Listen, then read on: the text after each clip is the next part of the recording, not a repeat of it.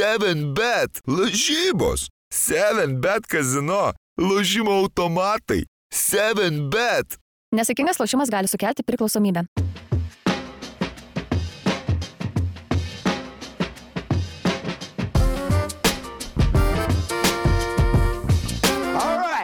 Let's do it. Sveiki, įsijungę NBO podcastą. Mes šiandieną pradedame nuo uh, Mykolo uh, susipažinimo su epizodu, kai Nikola Popovičius griebė už pempės varžovų iš, iš Burgenbreso. Uh, bet manau, kad šitą, šitą erotišką kadrą reikia išmušti iš tavo galvos. Mykolai, geriau papasako, kaip gyveni, kadangi mes šiandien turim labai įdomų epizodą su labai daug visokių įdomybių, įdomių detalių, pasiekimų, įvykių, nuotikių ir diskusijų. Viso to, kas ir paverčia NBO uh, 16 labiausiai žiūrimų e, podcastų. e, Nu gerai, gal ne 16, bet supratai, ką aš turiu. Tol, kol tai nėra 16 labiausiai žiūrimas NBA podcastas, kuris filmuojamas uh, naujininkuose, tol aš manau, kad mes laikomės visai gerai. Buvo kažkokį, kažką norėjau įžangai pasakyti, bet tas Popovičius, Popovičius išmušė iš vėžių mane. Kaip tą prancūzą. Ne? Nu, prancūzą tai jau ten iškrito gerai. Jo, nes buvau išsi... išjungiau likus dešimčiai minučių aš tas rungtynes, tada jūsų reakcijų susilaukęs kažkaip galvojau, reikia gal įsijungti, pas, pasižiūrėti dėl tam tikrų epizodų ir dabar tik tai prisiverčiau. Sapt? Sapti, jo. Nu, nu vis dėlto yra tos kovotojai panevežėčiai, randa būdų kovoti, randa. Taip, aš šiandien tai ką, biški piktas esu, nes galvoju, žinai, atsikelsiu ryte, pasižiūrėsiu, kaip čia Sabonis bando nutraukti tą mm, pralaimėjimų seriją ir aš įsijungiau. Um, aš net nepamenu, kas privertė tai padaryti, nes įp, įprastai e, nebe, nu, ne, neperžiūrinėjau kiekvienų rungtynių bokskoro, nebent uh, yra kažkokios rungtynės, nu, jeigu jau pasižiūriu, paskui pa, kažkokias rungtynės pasižiūriu ryte, e, tada jau, jeigu dar pamatai kažkokių įdomių dalykų, tada jau, nu, pasigilini šiek tiek labiau. Ir tiesiog, jo, norėjau pa- pamatyti, kaip Vembanjamai sekėsi prieš Embidą, įsijungiu tam NBA apse spars prieš uh, Sixers, žiūriu, 10 taškų pralaimėjo, čia viskas kaip ir, kaip ir tvarkoj. Ir uh, Vambanjama žiūriu, pelnė ten 30, Tris. ke, 33 taškus, nes pirmiausia sparsų tą išmetė, galvoju, va, geros rungtynės prieš Embidą, prieš MVP. Ir tada įsijungiu Filadelfijos tą ir taip tiesiog, e, nu, nevalinga reakcija buvo. Žinai, taip, kas čia dabar? 70 taškų, 41 metimas, 24 berots taiklus, nu, ta prasme, neįtikėtinas Embido pasirodymas ir e, labai ir kartais pikta, kai įvyksta kažkas, kas nu, nubraukia tavo iš ankstinius planus tinklalaidas, bet šiuo atveju tai labai smagu, kai yra tokia šviežia, šviežia aktualija. Šiuo atveju tikrai negalim pykti. Tikrai, Ne, tikrai negalim, negalim pykti, pykt, nes jo. a, 70 taškų sukratyt NBA rungtynėse taip, galim šnekėti, kad NBA yra daugiau minučių, NBA greitesnis krepšinis, bet 70 vis viena yra, yra retas labai atvejis NBA lygoje. Per mūsų podcastų karjerą du kartus tai vyko. Ne. E, taip. 71 ir e, Lillardas, Lillardas taip pat 71. Taip, bet tai yra visi gynėjai, kurie tritaškiais grindžia savo žaidimą ambidas, pataikė vieną tritaškį metimą. Trečią šiose kėlinuko gale. Jo, jo. Tai tas irgi labai yra įspūdinga, kaip mano bičiulis pastebėjo, bet um, net, žinai, net nežinau iš tiesų nuo, nuo ko pradėti.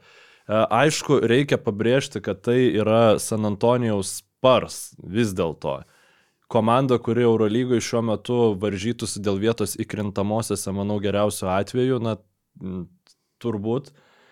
Bet čia taip gerai jis išprūstas. Jo, jo, taip, šitą. Kur L- Laimonui Aglinskui gėdos nepadarytų. Toks išprausimas dabar jau tikrai vienas švariausių žaidėjų NBA lygui, bet visiškai dėl kitų priežasčių. Taip, tai... Um, A, jo, dabar pagalvoju Glinsko referenciją, tik tai apgailestauju iš savo e, lėtą sujungimą šiandien. Ir taip dar pradžioj e, žiūrėjau, žinai, su Filadelfijos komentatoriais tas rungtynės, nes jau aišku, reikia, žinai, pažiūrėti, kai tai vyko. Dar buvo dar epizodas, kuris, kurie sakė, va, Vembanjama čia išėjo ir pakankamai neblogai tvarkosi su Embidu. Nu, ten gal pirmo kėlinio ten an- ankstyvoji fazė, nes paskui jau e, staiga taip jis žaidžia, žaidžia. Nu ir aš aišku žinau, žinai, kad jis 70 tų taškų pelnės, bet taip žiūri ir žiūri tas rungtynės, nu nėra, kad tu ten e, žaksi iš nuostabos, kaip iš šitos taškus renka. Nes kas dažniausiai būna gynėjai, plešina tritaškius vieną po kito, e, visa, žinai, arena stovi, ten jiems visiems labai įspūdinga. Ir taip Embidas jau taip turėjo, ten e, antro kelnio vidury jau ten 30 kažkiek taškų, karjeros e, rekordas pir, pirmos rungtynių Mhm. pusės. Ir tada uh, antroji rungtynių pusė antrą tiek suvertė. Tai, na, įspūdingas pasirodymas, bet uh, nežinau, kokie tavo įspūdžiai, Rokai. O, žinai kas, jeigu iš pradžių, va irgi, kai išgirdau, kai, kai perskaičiau, kad va, Embidas per Vembanjamą, nu aišku, ne visus mm. 70 sumetė, bet Sixers prieš Spars Embidas sumeta 70. Pirma mintis buvo, kad, uh, tai jisai tą Vembanjamą ten apstumdė taip, kad, kad padėk dievė buvo Vembanjamas tas sveikas atvykęs į NBA momentas, bet iš tikrųjų per visas rungtynes buvo tik tai viena situacija, trečio kilinuko pradžioj, kai jis nugarą į krepšį tikrai e, petimi nusistumė Vembanjamą ir susikūrė savo poziciją dėjimui. Visa kita buvo, na ne tai, kad visa kita, bet labai daug metimų buvo per tą patį Vembanjamą iš vidutinio nuotolio, po driblingo. Įgūdžių paketas tiesiog puolime, kuriuo naudojasi Embidas, nebuvo, nežinau, tu, tu žiūrėjai ne Šakilą Onilą, bet tuo pačiu žiūrėjai ir ne Kobe Bryantą ir, nu, toks, vat, tas universalumas, kuriuo jisai pasižymi kaip vidurio polėjas būtent puolime, yra tikrai stulbinantis. Apskritai, va dabar turiu prieš akis atsidarę sąrašą, tik du vidurio polėjai per visą NBA istoriją yra sumetę daugiau taškų per rungtynes. Chamberlainas sumetė 100, Davidas Robinsonas sumetė 71, 94. Niekas daugiau, net Šakas nebuvo tiek sukratęs, nei, nežinau, visi kiti dominavę vidurio polėjai per visas tas eras, kai vidurio polėjai buvo centrinės polimo figūros. Ir tik tai vienas pataikytas tritaškis tuo pačiu irgi atspindi, kad, nu, tai nėra va tas, kad, o, kitas laikmetis, žaidimas yra kitoks. Nu, visina, tai yra statistikos eilutė, kuri yra, atmeskim tuos tritaškius, jis pataikė 23 iš 39 dvitaškių. Ir sakau, bet tai, kad tie dvitaškiai taip buvo nemaža dalis iš jų uh, puolime atkovotais kamuoliais, bet tai ir buvo faktiškai visas va tas toks dominavimas po krepšių. Po krepšių taip, ten buvo, kuris Zeką Collinsą tiesiog kaip šapelį visiškai talžė, kur, nu, ten galėjo nieko nebūti ir efektas būtų buvęs toks pats.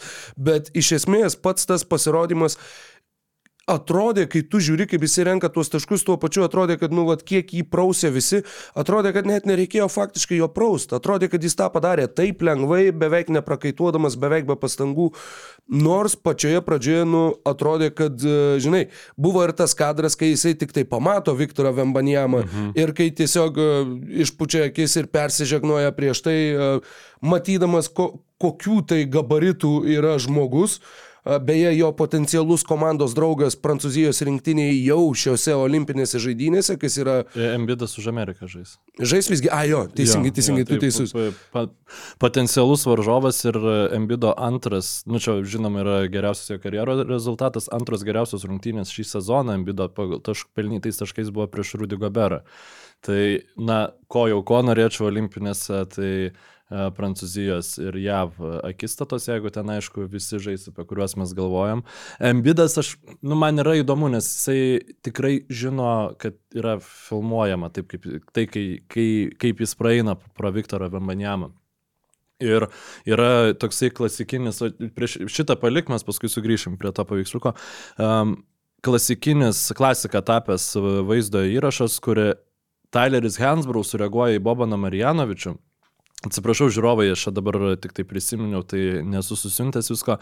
Ir, nu, yra tiesiog priblokštas. Ir tada Embidas greitų metų po to, po to Hansbrough akistatos su Marijanovičium, irgi prieėjęs prie Marijanovičiaus, tipo, užlagino, kaip tada Hansbrough. Nu, ta prasme, tai čia irgi gali būti referencas į tai.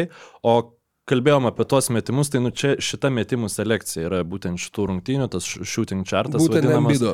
Jo, būtent Embido. Ir nu, tikrai nepasakytum, kad čia yra dominuojančio vidurio polėjo.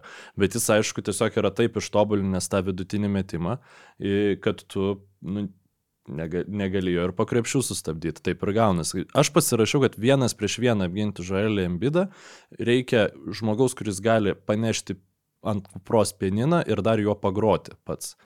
Nes e, tu ne, tau neužtenka būti vien nu, stipriu, labai aukštu ir dideliu, tau reikia ir turėti tos uh, galancijos, to uh, plastiškumo, sugebėti išlikti su embidu, sugebėti ne, nesubauduoti jo, mes čia pastoviai išnekam, kad, nu gal ne, ne mes, bet internete, kad oi čia embidas žudo žaidimą, nes jo atrodo, kad jisai šiek tiek yra jau kaip, nu, atradęs čytus, kaip lengvai pelnyti taškus.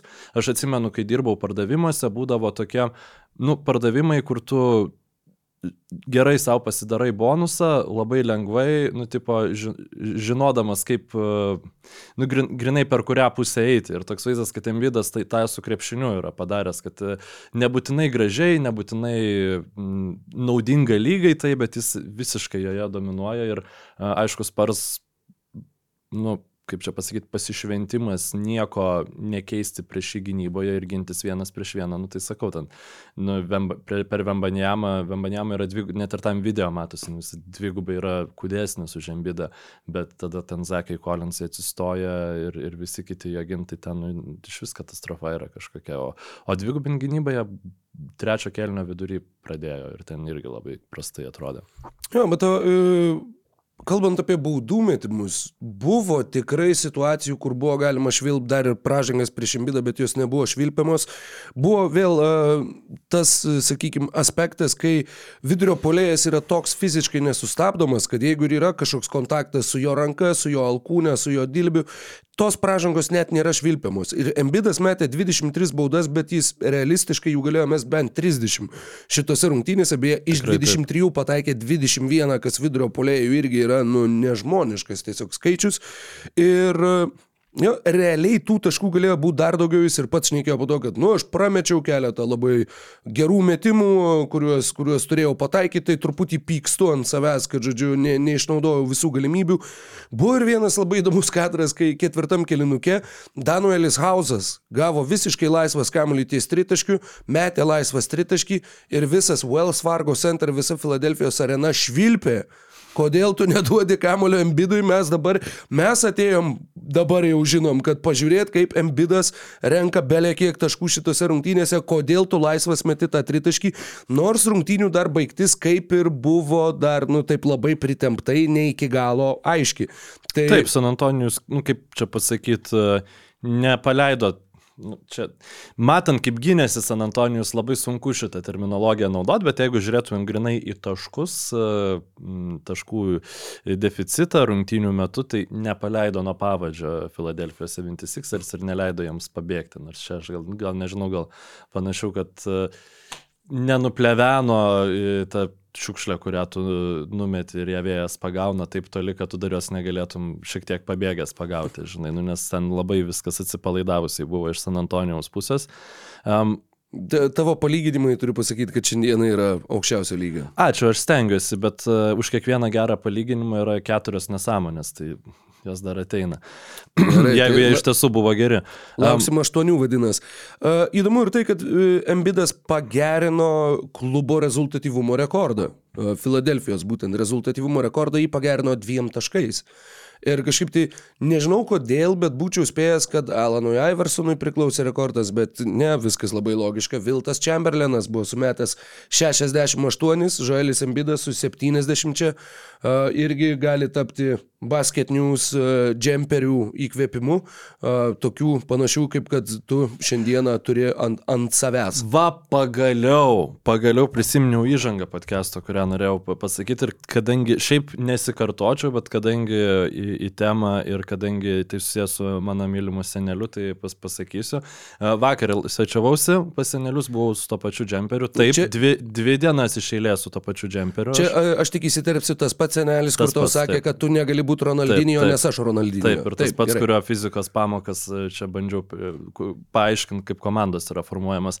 Um, tai jisai manęs paklausė, o kas čia per per įdomus čia toksai vad dizainas, kas čia per marškinėliai čia pas tave, žinai, ką čia tas šimtas reiškia, nu ir paaiškinu, sakau, buvo toks Viltas Čemberlinas, iš čia šimtą tų taškų pelnė ir va, šią naktį, žodžiu, Embidas, nu, 30 taškų trūko, bet e, dominuojančio centro pasirodymą Filadelfijoje tikrai vėl pamatėm, nes e, kai e, šitas Čemberlinas 100 taškų pelnė, tai irgi Filadelfijoje žaidė, tik Filadelfijos Warriors. Tai čia tu tada ten persikėlė į Golden State, į, nu, ne į Golden State, į, Pradžiai į San Francisco, vėliau į Auklandą.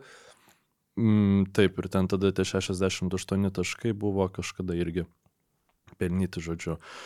Jo, jau tiesiog Filadelfijai 67 metais, nes tokia va ta Embido karjera. Ką aš noriu paliesti, tai vėl sugrįžti prie to, kad Žoelis Embidas žaidė prieš San Antonijaus Spars. Ir, atrodo, nu va, čia pririnko 7 taškų prieš prastas komandas. Bet žinokit, mėlyjeji NBA žiūrovai, beveik visi tokie pasirodymai yra prieš dugninės komandas. Embidas, e, Chamberlainas 100 taškų surinko prieš New Yorko Knicks, kurie tuo metu buvo 27-46 sezone, tai irgi užtikrinti loseriai. E, Kobe Bryantas prieš beviltiškuosius Toronto Raptors, e, Jalen Rosa vedinus kratė tuos taškus. Ir auk daugiau, jeigu atmestumėm Chamberlaino pasirodymus, nes Chamberlainas paskui prieš Lakersus e, ten e, labai geras rungtynės sužaidė, e, būtent buvo, tačiau tai buvo pralaimėjimas, bet jeigu mes žiūrėtumėm, ieškotumėm žaidėjo, kuris žaidė prieš, komand, prieš gerą komandą, pelnė daug taškų, o gera komanda yra turinti didesnį negu 50 procentų pergalių skaičių, pelnė daug taškų ir jo komanda laimėjo, tai būtų daugiausiai taškų surinkęs žaidėjas būtų Janis Antetokumpo, kuris šiemet prieš Indianas Pacers sumetė 64 taškus. O Bukeris prieš Bostoną, Bostonas pralaimė... buvo siaubingas? Ne, Bostonas buvo geras, bet jie pralaimėjo. Ai, jo, ir čia jeigu aš atmestumėm Chamberlainą. Nes... Jo, beje, 68 žaisdamas už Filadelfiją, Chamberlainas sumetė 67 gruodžio 16 prieš Chicago's Bulls, kurie sezoną užbaigė 29-53. Taip. Ir dar yra skaičių magijos šiek tiek, šiemet yra gimtadienis. Praėjo 18 metų nuo to, kai Kobe Bryantas 81 tašką prieš Toronto Raptors sumetė. Tai mane šitas... Ta pačią dieną? Ta pačią dieną, taip. O, geras. Bent jau tikint, nu tai yra, jo, sausio 22 ir Embidas 70 taškų įmetė irgi jo sausio 22, nes Filadel... komplimentai iš tiesų, nu kaip dirba organizuotai, gerai, uh, rungtinių komentatoriai. Kiek, taip, aišku, ten dažnai būna juokingos, žinai, tos statistikos, bet, nu, kaip tu greitai tą informaciją tau, tur, turbūt jie ne, ne patys ją traukia, aš įsivaizduoju, kad vis seniau turėtų dirbti ten e, žmogų, bent jau vieną atsakingą jo, už tokius jo, yra, dalykus. Yra, atskirai, žinai, taip pirmo kelnio rekordas, tada antra rungtynių pusė, tas rekordas, tada vat, tokie faktai su Bryantu, su Chamberlainu, nu, taigi jo, tu neteini, žinai, rungtynės, kad pasiruošęs, kad čia bus taip, taip ir taip, bet uh, iš tiesų labai padeda, nu, nežinau, įsijausti į momentą, nepaleisti to, nes uh, Kartais gali atrodyti, kad, ai, nu, kas čia 70 taškų pelnė, nu, tai ar čia 70 ar 50, čia NBA reguliarus sezonas, nu, čia nesvarbu. Bet kai pamatai, kaip tie taškai buvo surinkti, jo, Embidas yra įspūdingas. Jo, ir žinai, 25 rezultatyviausius Sixers žaidėjų per rungtynės pasirodymus prieš savo akis, va dabar turiu. Sarašė yra Viltas Chamberlainas, labai atsiprašau, po daug kartų. Viltas Chamberlainas, Alanas Iversonas, Joelis Embidas, Sykį yra Moses Malone ir Va čia yra pavardė, kurios nuoširdžiai nieko negaliu pasakyti apie šitą žmogų, bet tūkstantis, e, tuoj pat pasimetė man dabar, atsiprašau, akimirkai, tūkstantis, ne, ta, tas ir yra įspūdinga, kad 1994 okay. Filadelfijos Sixers Miami Heat rungtynėse gruodžio 13 dieną 53 taškus sumetė Willy Bartonas. Be šansų, nie, nieko. Vili Bartonas a, tais metais rinko po 15 taškų, kitais metais žaidė Italijoje, vėliau žaidė Atlantoje Sparsuose, Charlotte's Hornets, rinko po 6 taškus, po 2 taškus. Vat 15 taškų buvo jo geriausias karjeros sezonas, 53 sužaistos rungtynės. E, grandinėlės protmušiam, e, tiksliau, protmušiam klausimus dar galvoji? Žinoma. Nu tai jo, vat Bartonas, tada įdedi Vilas Bartonas, Vili Bartonas, bet Vili Barton, ką? Ta prasme, čia yra 53 keiščiausio žaidėjo matyti taškai, nu, kokius, kokius yra tekę matyti. Po 20 metų. Jis į krepšį tose rungtynėse metė 19 kartų. Okay. Ir surinko 53 taškus. Ką? Nu tai gal dabar tiesiog dar apie jį pašnekėkime 20 Pala, pala, minučių. sorry, bet jis metė 28 baudas, tai yra daugiau negu Michaelas Jordanas, Karimas Abdul-Jabbaras, Kobe Bryantas arba Jamesas Hardinas kada nors yra metę. 28 baudos metimai, Willy Bartonas, ką? Dvaitas Wow. Howardas yra 39 metų. Oi, čiagi tie laikai, kai šakinėdavo ant kupros. e, Taip, taip, nu ir šiaip ir Hack at White, bet... Taip, taip, tai, nu, aš, aš apie, apie tai ir kalbu. Wow, Willy Barton, nu čia reikės dar, dar pasižymėti uh, kaip, kaip visiškai netikėtą ir tokį dar patyrinėtiną įvykį NBA istorijoje. Nu tikrai, tikrai įspūdinga. E, Šiaip dar, kas iš Embido pusės man buvo įdomu, tai yra, kad jisai e, yra taikliausias krepšininkas, kuris yra išmetęs bent 41 metimą per, per rungtynes. Tai šitas buvo visai įdomu, jis e, įmetė 24 tos metimus ir atakavo iš žaidimo. Oi, nus, nusišneku, e, Kobe Brantas ir Davidas Robinsonas atakavo tikliau, tai trečias tikliausias, bet e, e, 70 taškų, e, 70 taškų įmetė, tai du žaidėjai už jį tik tai rezultatyvesni buvo išmetę, e, nu va, atėjo tas nusišnekėjimas. Aha, jau jaučiu tą lagą. i- Išsitraukiau grafą ir dabar pamiršau, apie ką norėjau pakalbėti. Gerai, ne, Gerai, tai nesvarbu, tuomet žodžiu. aš tau turiu klausimą, Mykolai. Filadelfijos 76ers šiuo metu yra 29-13, jie užima trečią vietą rytuose, tik tai viena pergalė atsilieka nuo Milvokio, kuris sužaidęs vienom rungtynėm daugiau. Žalis Embidas meta po 36 taškus per rungtynės vidutiniškai šiame sezone. Komanda, kuri neturi kaip ir pirmo ryškumo kitų žvaigždžių. Ar Žoelis Embidas tavo manimu, kuris dabar a, trečią sezoną pailiu yra rezultatyviausias lygos žaidėjas, ar jisai turėtų antrus metus pailiu iškovoti NBA, a, MVP apdovanojimą? Na, aš norėjau sakyti, kad jam kažkoks e, MVP das užėjo, e, nes tikrai, nu, jis to, su tokiais pasirodymais, tai čia jau yra tas pasirodymas, apie kurį mes e, šnekėsim, kai jisai, kai bus renkamas ir jisai žaidžia geriau šį sezoną negu, Negu žaidė pernai. pernai. Nikola Jokičius, nu čia dabar jau yra tas, kad reikia prisiminti, kad mes renkam geriausią reguliaraus sezono žaidėją, o ne geriausią krepšininką. Nes Nikola Jokičius yra fantastinis, jisai turi labai gerą atkarpą, bet buvo tarpsni, tarpsnių sezone, kur atrodė, jog jo Jokičiui gal netaip smarkiai vis dėlto rūpi susigražinti tą MVP titulą. Šiuo metu aš nebejoju, kad jisai laimėtų e, MVP. Ar aš rinkčiausi jam suteikti šitą apdovanojimą, jeigu man kažkas duotų tą balso teisę? Žinok, turbūt jo, nes vis dėlto mm, pergalių pralaimėjimų santykis yra beveik toks pats Sikserių kaip ir Nuggetsų. I- Ar Filadelfija turi šalia geresnį, geresnį brandolį negu Nuggets, nu, prie Jokičiaus nežinau, turbūt ne. Ir tikrai ir Nikas Narsas e, gerai dirba, žinoma, savo darbą, bet e, nu, tokie pasirodymai ir čia jau ne, na, geriausias čia pasirodymas, bet ne pirmas įspūdingas pasirodymas šį sezoną. Plus e, pernai Žoelis Embidas turėjo Jamesą Hardeną, kuris pirmavo visoje lygoje pagal rezultatyvius perdavimus, kuris tiesiog maitino jį kamuoliais ir sukūrė jam e, labai geras sąlygas rinkti taškus ir, ir artėti prie to apdovanojimo. Filadelfija pernai, atsiprašau labai, užbaigė sezoną 54-28. Šiais metais kol kas, nu va čia akimirka, jeigu mes skaičiuotumėm grinai matematiškai, jų forma yra minimaliai, tačiau geresnė negu buvo su Jamesu Hardenu. Prieš sezoną mes kalbėjom, nu jie nebeturi Hardeno, nu čia jau vėl nežino kaip, jau taip truputėlį juos kaip ir nurašinėjom. Neaišku, kiek Embidas tų rungtynių žais. Beje, ir dabar dar yra tas klausimas, kad jiem yra likę gal aštuoni susitikimai per visą sezoną, kuriuos jisai gali praleisti. Nes jeigu jisai praleis daugiau, jisai negalės tiesiog dėl taisyklių mhm. gauti to MVP apdovanojimo. Ir... Ir... Nu, čia šiaip būtų įdomu, jeigu jis, pavyzdžiui, dar kokius aštuom sukratytų, o jeigu reikia pasižiūrėti grafiką, jeigu jie žais prieš Hornets, tai easy. Ta prasme, tik, tikrai nemanau, kad tai neįmanoma.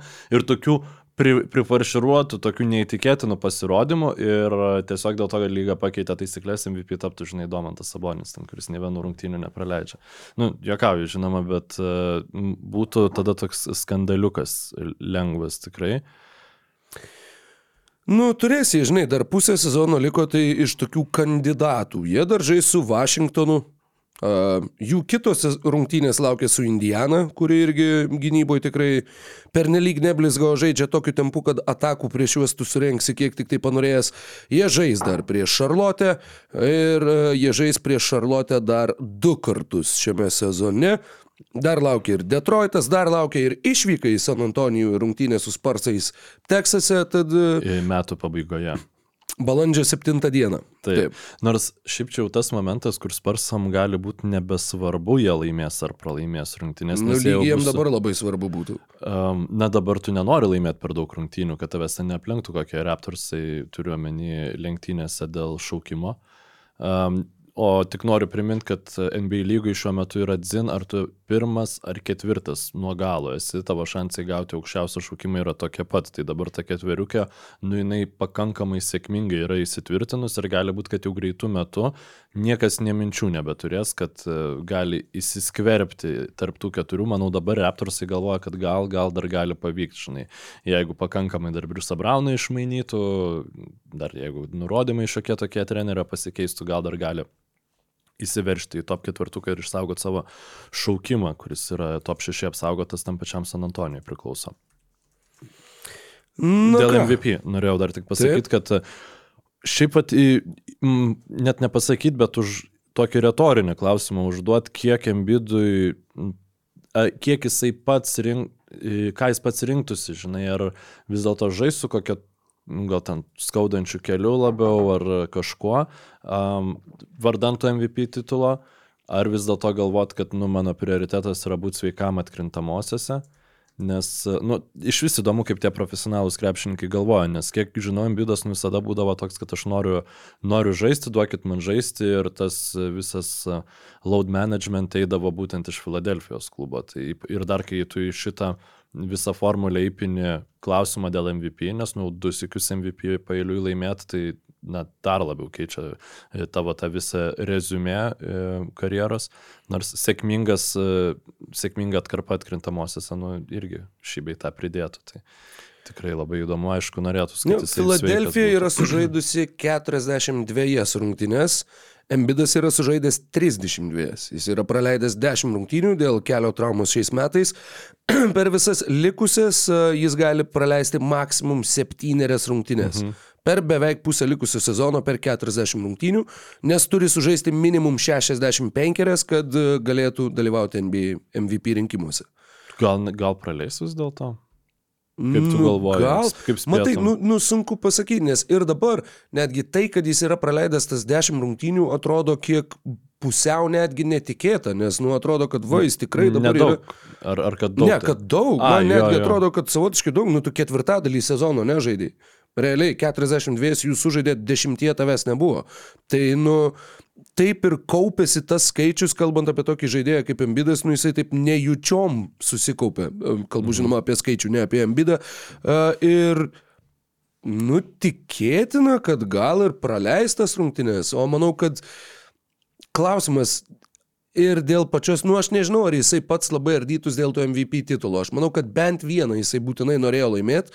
Ta vieną laimėjęs jis dabar jau, jeigu jisai šiame sezone neturėtų nei vieno, ta prasme nebūtų laimėjęs pernai, mhm. aš manau, kad jis dar skytųsi ir eitų ir žaistų, nes nu jam tai buvo tas toks vis iš tavo pirštų išsprūstantis, žodžiu, apdovanojimas, kurio tu labai norėjai savo karjerui. Dabar Žinai, mes į jo galvą neįlysim ir čia tik tai spekuliuojam, bet mano manimu, nu, ir racionaliau būtų, jeigu ką, jeigu tau ten yra kažkokių tai tų sveikatos problemų, nu nežaisk, nes, nu gerai, MVP, tai tu jau laimėjai.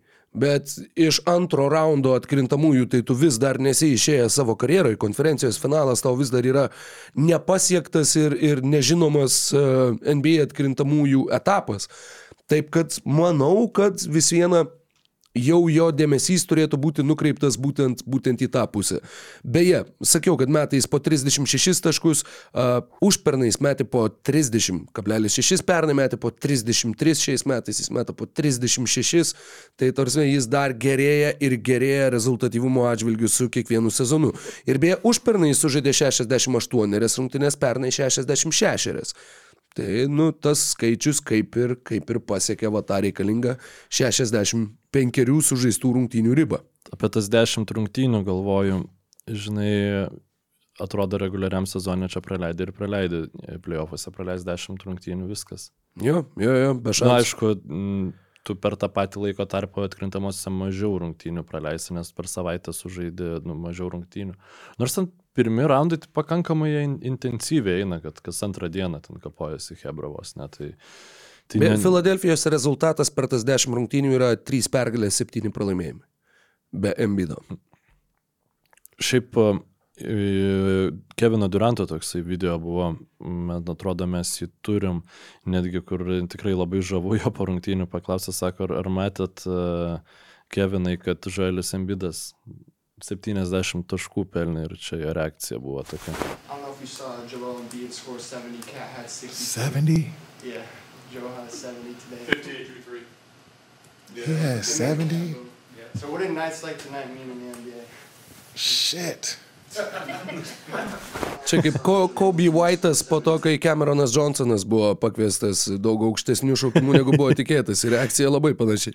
Jo, ir e, esmė, kad pats Keidynų po pergalės prieš Čikagą jie ten dviem taškais laimėjo. Beje, Čikagos Bulls ir yra įgavę kažką panašaus į gerą formą. Ten e, čia šitas pralaimėjimas buvo vienas iš nedaugelio pastaruoju metu. Ir Keidį, žinai, tu pelnai, pelnai 43 taškus, 16 iš 32 pataikytų metimų, 8 asistai, 6 atkovoti kamoliai.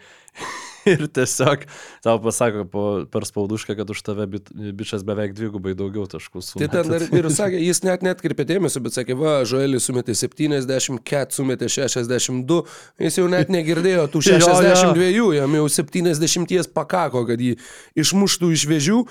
Bet prie tų 62 taškų manau, kad galim ir prieiti, kadangi Karl Anthony Townsas pagerino klubo rezultatyvumo rekordą, Minnesotos Timberwolves rekordas 60 pelnytų taškų iki šiol priklausė Karl Anthony Townsui ir dabar trys rezultatyviausi pasirodymai klubo istorijoje.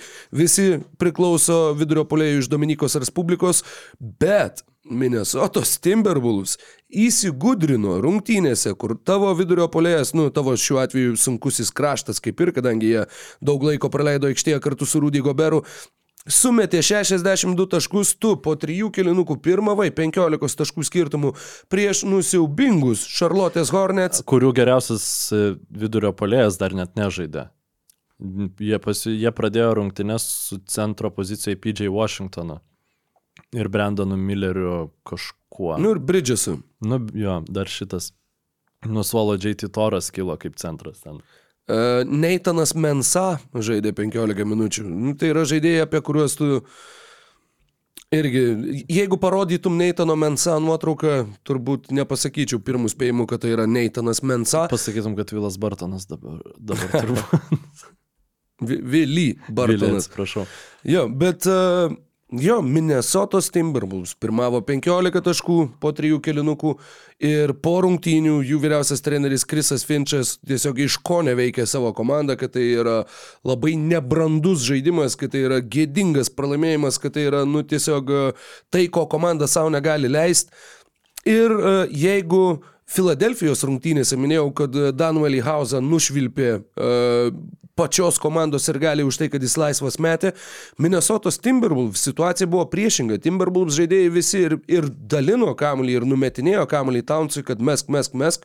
Ir dėl to buvo super nepatenkintas Krisas Finčas, kad, nu, aš suprantu, kai mes turim žaidėją, kuris uh, yra įkaitęs, kuris liepsnoja, nu, tu kažkiek tai jam duodi to kamulio, bet ne visus įmanomus metimus, kai tu iš gerų situacijų nemeti pats, bet tik tai duodi jam, kad tik tai jisai mestų. Ir tai buvo viena pagrindinių priežasčių, kodėl Timberwolves visiškai nebejauti ritmo, kodėl Timberwolves atidavė tą ketvirtą kilinuką varžovam ir dar, nu, ne patiems solidžiausiam varžovam, labai švelniai tariant.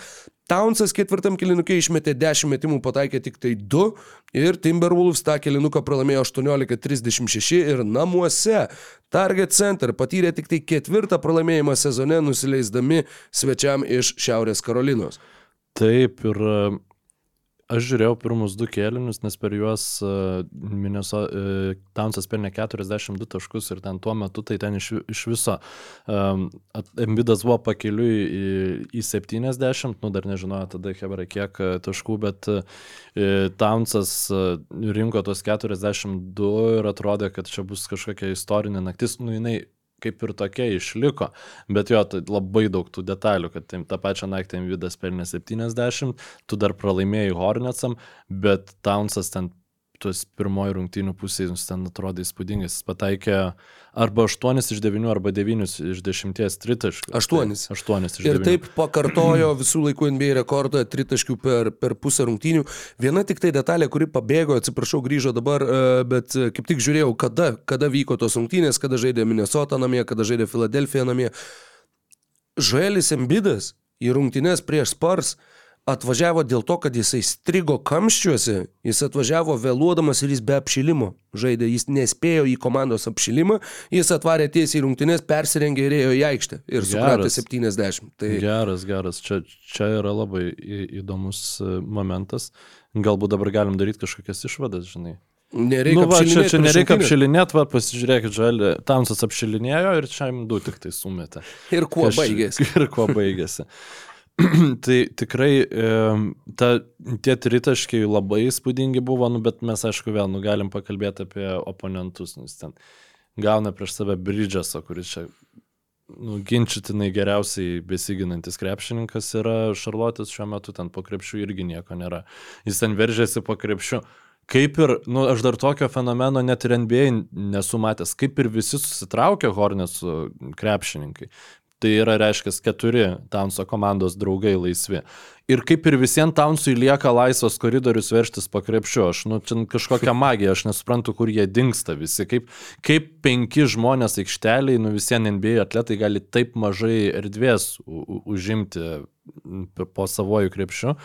Bet vis dėlto jie, nu čia e, kraunu ant komandos, kuri laimėjo rungtynės, Timberwolves atrodė siaubingai, e, kiti krepšininkai, ta prasme, Nikilas Aleksandris Walkeris dar sužaidė tokias kaip ir geras rungtynes, nu, pagal savo rolę, nežaidė aišku Konli, jo šiuo atveju ir labai pritrūko, Edvardsas e, pradėdavo didžiąją dalį atakų ir jis Man atrodo, pirmoji rungtynių pusė buvo tik vieną metimą išmetęs iš vis. E, šeši atsiprašau, 3 pataikyti metimai iš 11. Tai gal neišmetęs, o, o pataikęs buvo vieną metimą pirmoji rungtynių pusėje. Tai tokio, žinai, pasirodymo su žaidėju, kuris lyginamas su Michaelu Jordanu, kažkaip nesinorėtų. E, galima kritikuoti Townsą, kad jo plius minus buvo nulis, kai jis pelnė 62 taškus prieš Hornetsus. Rudy Gobero buvo minus 10. Plus Pliusinį turėjo, žinoma, Nazas Rydas, plus, plus 6 buvo, neatsarginis e, aukšta ūgis Timberwolfsų, bet daugiau visi, nu, okei, okay, Edwardsas turėjo plus 7, čia vienerios rungtynės, aišku, nėra, nu, nereikia į tą plus minus visada būtinai žiūrėti, kad nuspręsti, kaip žaidė žaidėjai, bet tiesiog kai komanda tu žaidi prieš komandą, kuri tau nieko negali pasiūlyti gynyboje ir tu sugebi, nu, jiems leis daryti, ką nori poliume, teisybės dėliai Hornets žaidė nu, žiauriai greitą krepšinį, tikrai reikia labai intensyviai sekti, jeigu tu nori matyti, kas ten vyksta. Smagu labai dėl Brandono Millerio 27 taškus pelnė um, iš 13-11 metimų pataikė. Yep. Ir įdomus, šiaip jisai toks krepšininkas, man sakau, tiem, nu, tas pats Vembanėma prieš Embidą, kai pamatai, kaip supranti, iš naujo kažkaip supranti, kiek e, fiziškai tiesiog užaukti reikia tiems e, nu, naujokams atėjusiam į NBA lygą.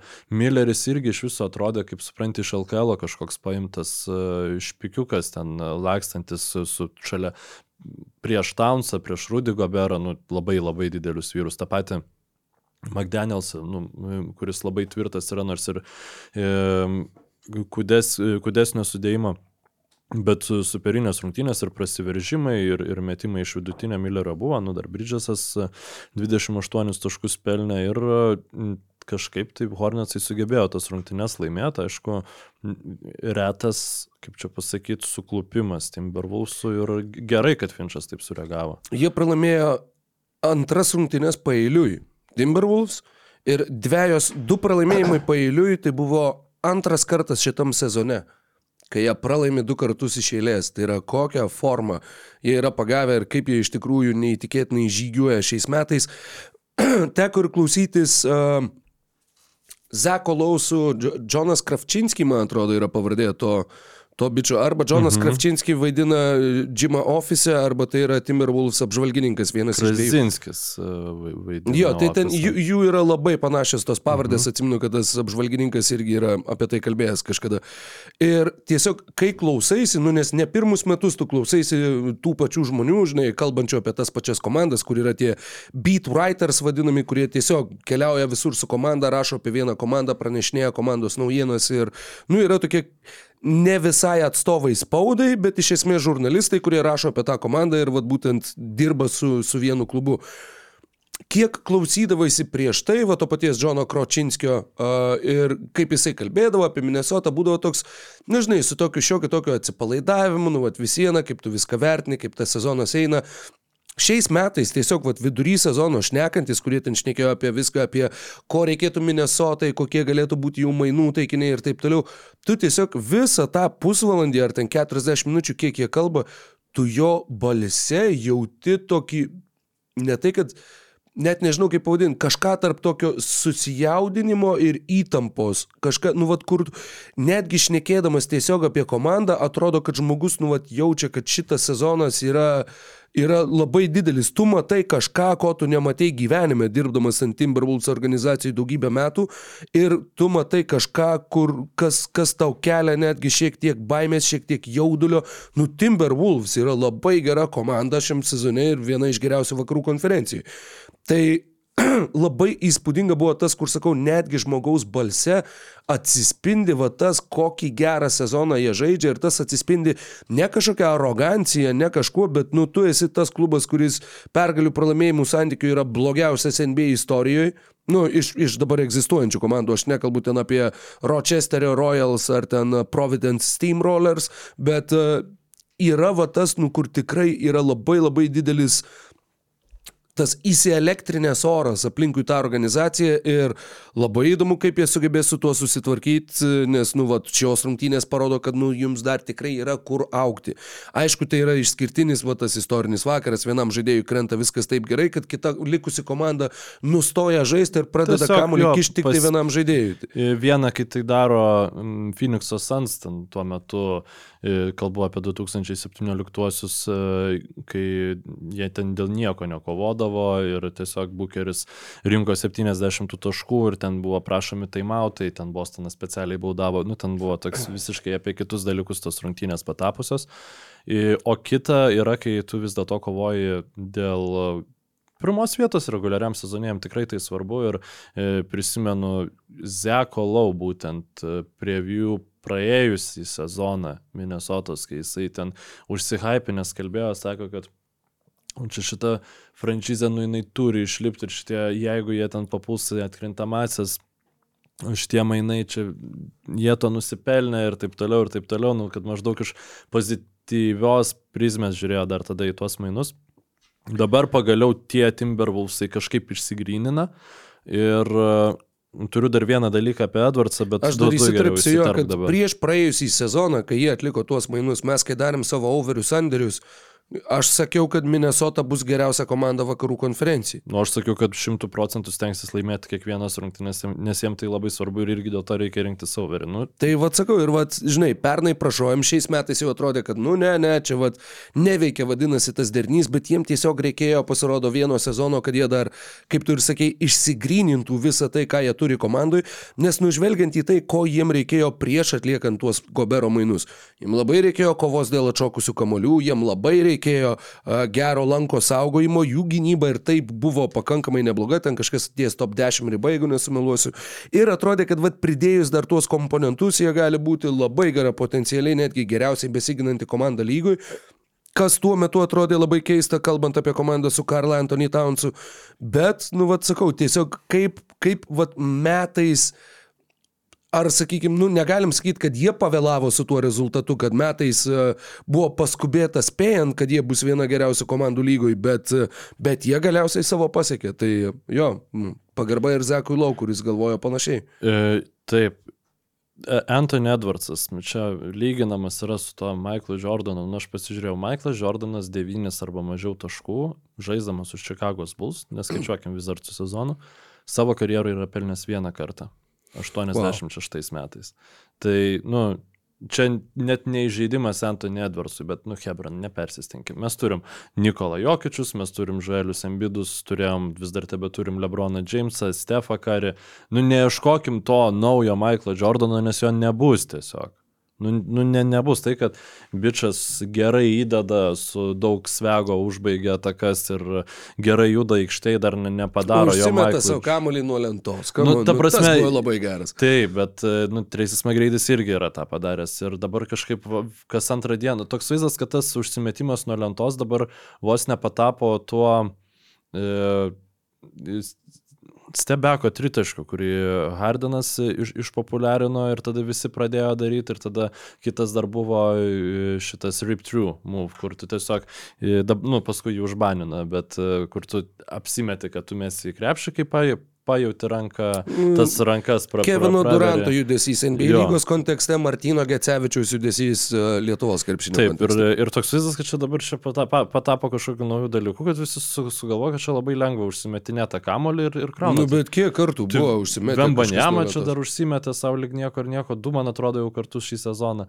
E, Bet tik tai ne, Tai neįkrovė. čia į trys kartai, ai, nu, tai. E, Tai aš kalbu, kad nu, pasimeta, Hebra žymiai dažniau dabar pasimeta savo tiesiog kamolį nuo lentos, kad išsisuktų iš tos situacijos. Nu, seniau to tikrai nedarydavo.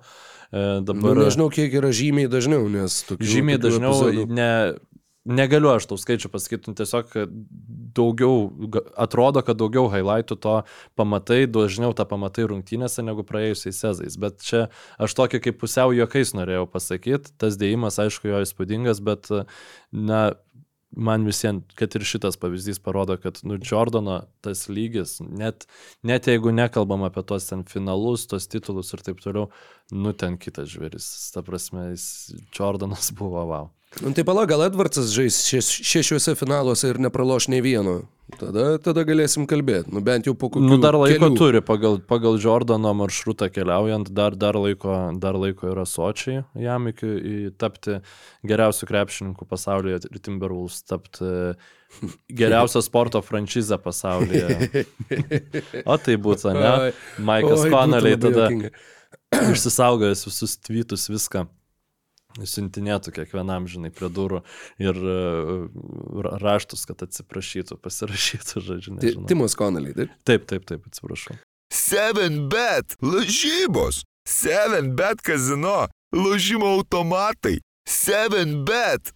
Nesėkmingas lošimas gali sukelti priklausomybę. Na ką, tai e, manau, kad iš dalies pratesiant apie Timberwolves, gal ir tik tai labai minimaliai pratesiant apie Timberwolves, bet galim paminėti, jog e, taip, Minnesotai, Minnes, nes e, perinam prie mainų taikinių, potėmės, kurią, kurią šiai dienai esam išsiskyrę ir pasirašę. Ir e, Timberwolves, kalbant apie Timberwolves, du pagrindiniai dalykai, du pagrindiniai, uh, kaip čia pasakyti, dvi pagrindinės patobulintinos vietos arba aspektai yra išskiriami, kalbant apie Timberwolves, tai yra atsarginio įžaidėjo pozicija ir tai yra metikai, nes metikų visada visiems, e, žinai, negali būti per daug, bent jau iš dalies.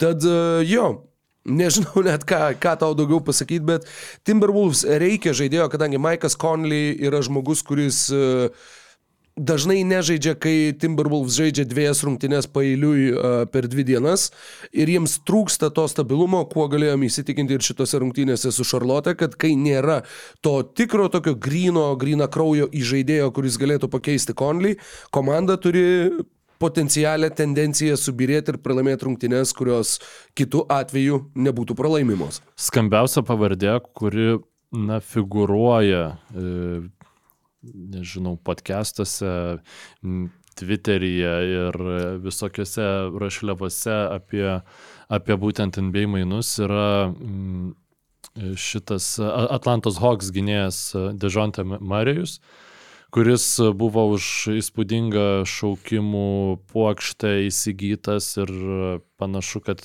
na, nepanašu, o akivaizdu, kad At- Atlantai naudos iš jo vis dėlto tikrai nėra tiek daug, kiek tikėjosi, labai prastą sezoną Atlanta turi ir mano iš šio sezono, da, kas klausosi mūsų, tai žino, ko aš tikėjausi iš Atlantos.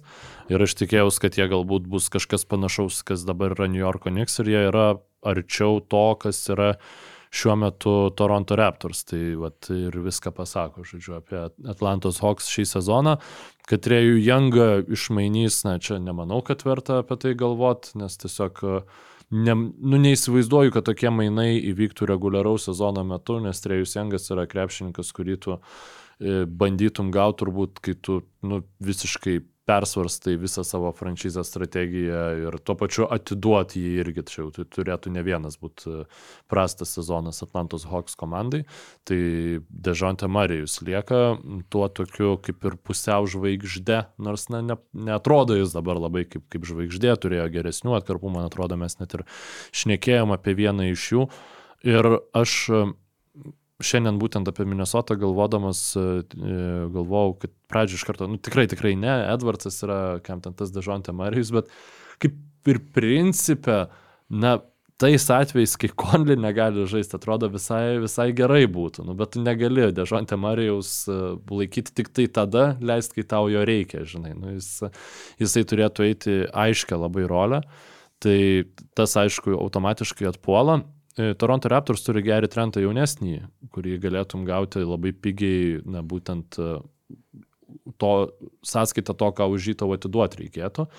Tai čia yra metikas gynėjas, galintis kilti, nu, kil, kuris kiltų tikrai nuo suolo didžioji daugumoji komandų. E, nėra pastovus krepšininkas, bet kiek tu, tu tų pastovių krepšininkų galėtum gauti.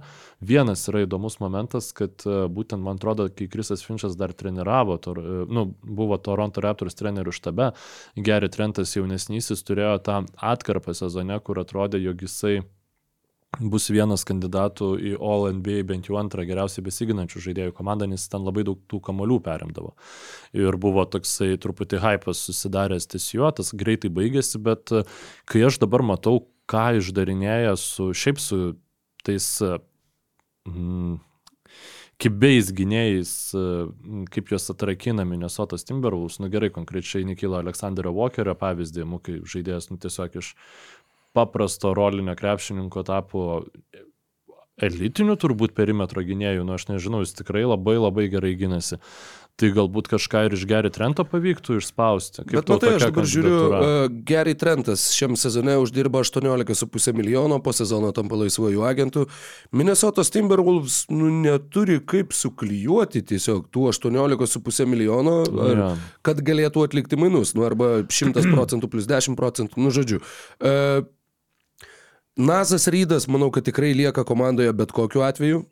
Kailas Andersonas yra 9,2 milijono, tai yra, uh, atsiprašau, šeštas daugiausiai uždirbantis komandos krepšininkas, aukščiau yra Goberas, Townsas, Conley Edwardsas ir Nazas Rydas. Žemiau yra Šeikas Miltonas 5 milijonai, Nikelis Aleksandris Walkeris 4,7, uh, Trojus Braunas 4 tu nelabai turi tiesiog, nu būtent, ko, ko sukliuoti. Minnesotos turėtų būti, jeigu ir būtų kažkoks taikinys, tai jis ir turėtų uždirbti kažką apie 5 milijonus. Nu, 12 apie... maksimum. Bet irgi tada, nu kas, nebent Miltonas ir Braunas, ir tai yra tik tai 9 milijonai, tau kažką daugiau pridėti Nu tai sunku, su devyniais jau ten pridedi Džošą Minetą ir jau gaunasi. Nu, tai prasme, mhm. jau gali, jo, 18, aš, nu, prisipažinsiu, kad nepažiūrėjau, kiek Trentas uždirbo, man galvoju, sukasi 14 milijonų, tai kažkaip dar galvojau, kad, kad gali tai būti. Ir dar momentas, dėl ko reikia priimti sudėtingus sprendimus Minnesotai ir kitom komandom, kurios turi labai didelius finansinius įsipareigojimus ateitie, nes e, šį sezoną dar Anthony Edwardsas gauna varganus 9 e, e, milijonus, o nuo kito sezono ten jau prasidės rimti Supermaxo reikalai. Tai šitos komandos algų kepurė jinai ten sproks viršui, bet tuo pačiu šitas sezonas yra paskutinis, iš esmės, kai tu gali, bet tos komandos, kurios jau dabar yra perlipusios tą algų kepurę reikšmingai, jos gali pridėti kažkokį tai reikšmingesnį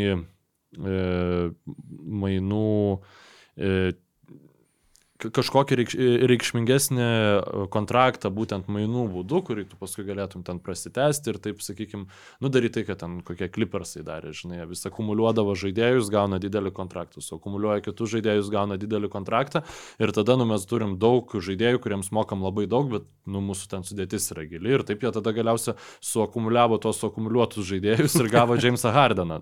Nu, ko šiaip iš esmės, jeigu tu, žinai, pasižiūrėtum į tą e, visą sudėties konstruktą Clippersų, um, kokį, iki uh, Powello ir Co Covingtono mainų, aš dabar neatsimenu, kada jie buvo, bet prieš pusantrų metų, man atrodo, galvotum, kad uh, gaud Hardeno uh, kontrakto tipo žaidėjo, jiems yra be šansų, nu, nes tiesiog jau yra viršita algų kepurė ir, ir tiesiog tos dar vienas vietos nebėra. Bet vat, buvo sugebėta susikonstruoti kažkaip, tai tokius prijomus, atsiprašau, žargoną atlikti iš esmės yra paskutiniai metai, nes nuo kito sezono uh, mažėja tas 120 procentų reikalas, uh, tu nebegalėsi uh, keisdamas, gaudamas vieną kontraktą sudėti dviejų, mhm. nu, ten prasideda tokie, tokie visokie dalykai ir baudos, baudos žymiai didesnės, jeigu tu viršį gauni žaidėją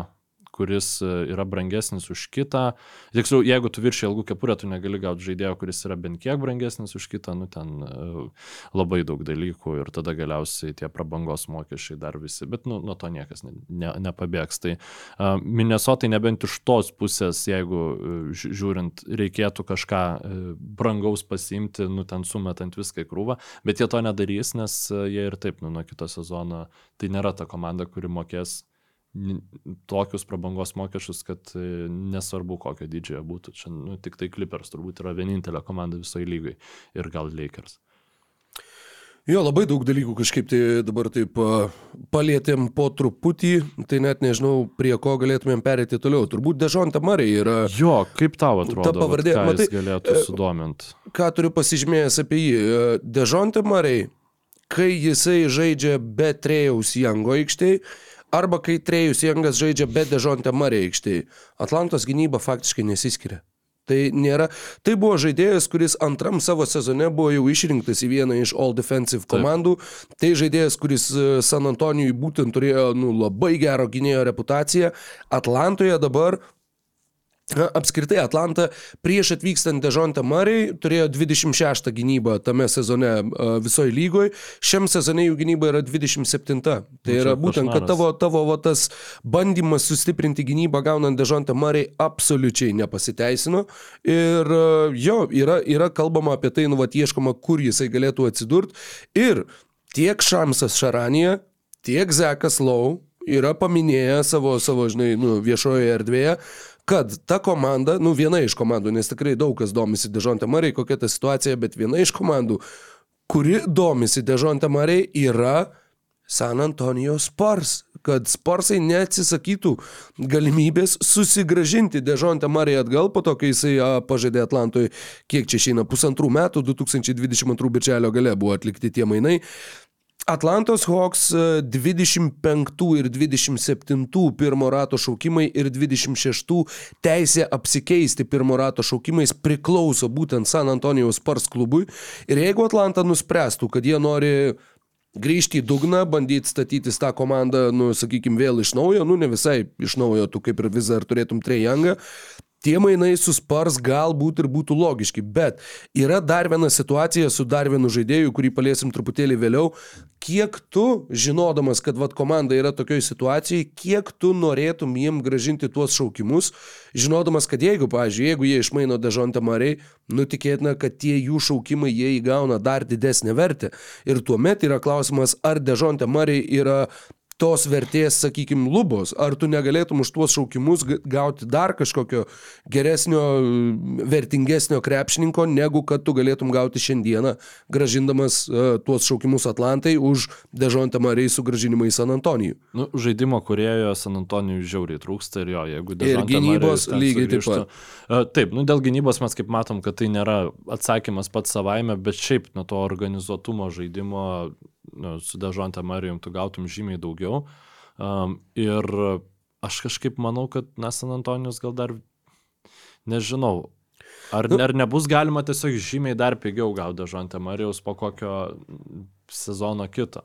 San Įleisdami Antonijus plus yra tas klubas, kuris turi tą reputaciją, kad sezono viduryje jie beveik niekada neatlieka mainų, nors matėm pastaraisiais metais porą tokių pavyzdžių. Uh, Klausimas dar buvo ir kitas iškeltas, neatsimenu, berots Kevino O'Connoro, kad, e, o žiūrėk, o jeigu jie tuos šaukimus gražintų Atlantai ne už Dežontę Mariai, o už Trejangą. Tai čia tada visai kitas klausimas. Jeigu, jeigu San Antonijus gali suporuoti Trejangą ir Viktorą Vembanjamą ir dar turėti aukštą potencialiai šaukimą šių metų biržui, kur e, San Antonijaus savininkas e, Holtasgi buvo, pavyzdžiui, rungtynėse Burgembrese, kai žaidė jų komanda su Panevežė Lietkabeliu, kai Zakari ir Isašeras sužaidė puikias rungtynės, nu ir šiaip atrodo labai talentingas 18 metis krepšininkas, potencialiai tu turėtum va dar vieną jauną žaidėją ir tuomet tu turi savo uh, įžaidėjo ir vidurio polėjo duetą, aplink kurį jau tuomet gali pildyti tuos visus uh, krašto žaidėjus ir, ir žiūrėti, kas iš to išeina. Jeigu aš būčiau Adamas Silveris, e, Galvoju, sakysi Adamas Sandleris. Kadangi dabar Sopranus kaip tik pagaliau pradėjau žiūrėti ir tokį kažkoks mob, nu ne tai, kad mentality, nes tikrai e, niekada to net, nu kaip čia pasakyti, ne, nepatraukčiau aš mafijai, taip galiu pasakyti, E, bet... A, a, jis taip sako, kad nukreiptų nuo savęs dėmesį. Bet Silveris, jeigu vat, turėtų, tai, e, žodžiu, Silveriui reiktų pažiūrėti Sopranų, gal Krikštatėvą, gal, gal dar kažko ir tada padaryti, kad šitie mainai įvyktų. Žodžiu, nes čia lygiai tikrai būtų geriau. Nu, tu pagalvok, Trejangas savo talentų, Olejupus mėtyt ir taip toliau. Ir Viktoras Embanjama. Nu, žmogus, kuris dabar komandai, nu, faktiškai be žaidėjų jokių žaidžia, žinai, ką išdarinėja. Ir faktas, kad jis tiesiog bus geresnis, nes, nu, taip, tokia ta trajektorija. Tai ir Jangui būtų čia vienas, nu, labai geri mainai ta prasme, kad tu nenueitum į komandą, kur tu turėtum vėl rodyti playoffuose, kokia skilėta tavo gynyba ir taip toliau, ir taip toliau, tu galėtum tiesiog kartu su ją bildintis ramiai, nu tokios ramybės gal kažkokios. Bet iš Atlantos pusės, nu, man tiesiog nu, mes matom lygiai, kad žiauriai sunku yra komandom atsisveikinti su tais franšizės krepšininkais. Džiazai, kad su Mitčelu atsisveikino, man čia vis vien e, net ir dabar prisiminus yra ganėtinai sunku patikėti, kad tai, kai tai buvo ryštasi padaryti, bet jau Mitčelas tuos signalus, nu mes jų girdėjom krūvas, kad jisai ruošiasi keisti komandą, kai turės tam progą. Apie Trejangą aš nieko nesu girdėjęs, kad jam nepatiktų ten kažkas Atlantoje ar, ar panašiai. Tai aš labai palaikau pačią idėją iš bendro lygos paveikslo, tačiau tikrai, tikrai nemanau, kad tai būtų logiška ir tuo pačiu, kad tu dar taip kaip ir pripažįsti, kad tave labai gerai apdėjo su Dežontė Marijos mainais. Nu, taip oficialiai jau, žinai, pripažįsti. Nu, bet žinai, Trejangas uždirba šiam sezone 40 milijonų, vėliau 43, kem 6, kem 9. Dežontė Marija uždirba šiam sezone 18, kitam sezone 25,5, 27,5, 29,5 žaidėjo opcija beveik 32. Tu kaip ir žinai, iš Atlantos pusės tu galėtum žiūrėti, kad, nu, okei, okay, mes pasiliekam Marijai, Trejangas yra tik porą metų jaunesnis negu Dežontė Marijai ir tuomet, nu, tu gali kažkaip tai, va, jau, kaip, kaip sako anglakalbėje, atiduodi Dežontė Marijai tuos raktelius ir tada palieki, nu, va, kažkaip tai viską, viską statyti toliau. Spars gali suklijuoti 40 milijonų mainam, jie turi Daga McDermottą beveik 14 milijonų, Devonta Grahamas 12 milijonų, Trey Jonesas, Zekas Collinsas jau išeina arba vietoj Zeko Collinso. kepurėje dar turi vietos. Sparsai e, 137 milijonai šiais metais okay. jų algų biudžetas. Na, ta prasme, jau dėl ko ko, bet kad jeigu būtų iš abiejų komandų noras, kad atsirastų būdas šitiems mainams, aš esu visiškai įsitikinęs, dėl to aš net dabar kitų pasiūlė šitą idėją, net, ne, nu, net neatsidariau tų visų. Keltonas. Johnsonas uždirba 20 milijonų, jo kontraktas mažėja kitais ir mažėja dar kitais metais. Irgi jaunas Irgi vienas iš krepšininkas. kandidatų, nu ne kandidatų, bet vardų minimų, kuris galėtų pereiti į aukštesnį lygį, pastiprindamas ka- kažkur, kažkuria iš komandų. Tai. Ar turi kažkokią kitą komandą, apie kurią labai norėtum pašnekėti? Nu, aš galvoju, kad reiktų tas pa- pas pastarąjį tweetą, kurį čia užmačiau, jog Sacramento Kings e, growing frustrations, žodžiu, auga susirūpinimas dėl prastos formos ir e, nėra pas, pastov, pastovaus indėlio iš žaidėjų, kurių, kurie nėra Domantas Sabonis ir Deronas Foksas. Ir pavardės mane labai nustebino, nes buvo toksai, kaip ir viskas suformuoluota, kad ruošiasi tikrai uh, svarsto galimybę reikšmingus mainus atlikti ir tada pavardės paminėtas pirma Matysas Taibulas, kur, nu, iš viso tiesiog žmogus, kuris ten teoriškai tam tikrais momentais gali būti naudingas. Ir tada kita pavardė, kuri mane šiaip iš tiesų labai sudomino, yra Jonathanas Isaacas. Ok. Žaidėjas, kuris šį sezoną grįžo po dviejų su pusę metų pertraukos į Orlando Magic ir jo tie fiziniai duomenys niekur, ne, niekur nedingo. Žaidžia po nedaug, tikrai minučių, taupo jį labai, nu nežinau kiek taupo, kiek tiesiog Magicam nereikia daug jo, bet žaidžia dabar po, po, po, po, po, po 13,5. 13,5 minučių per rungtynes.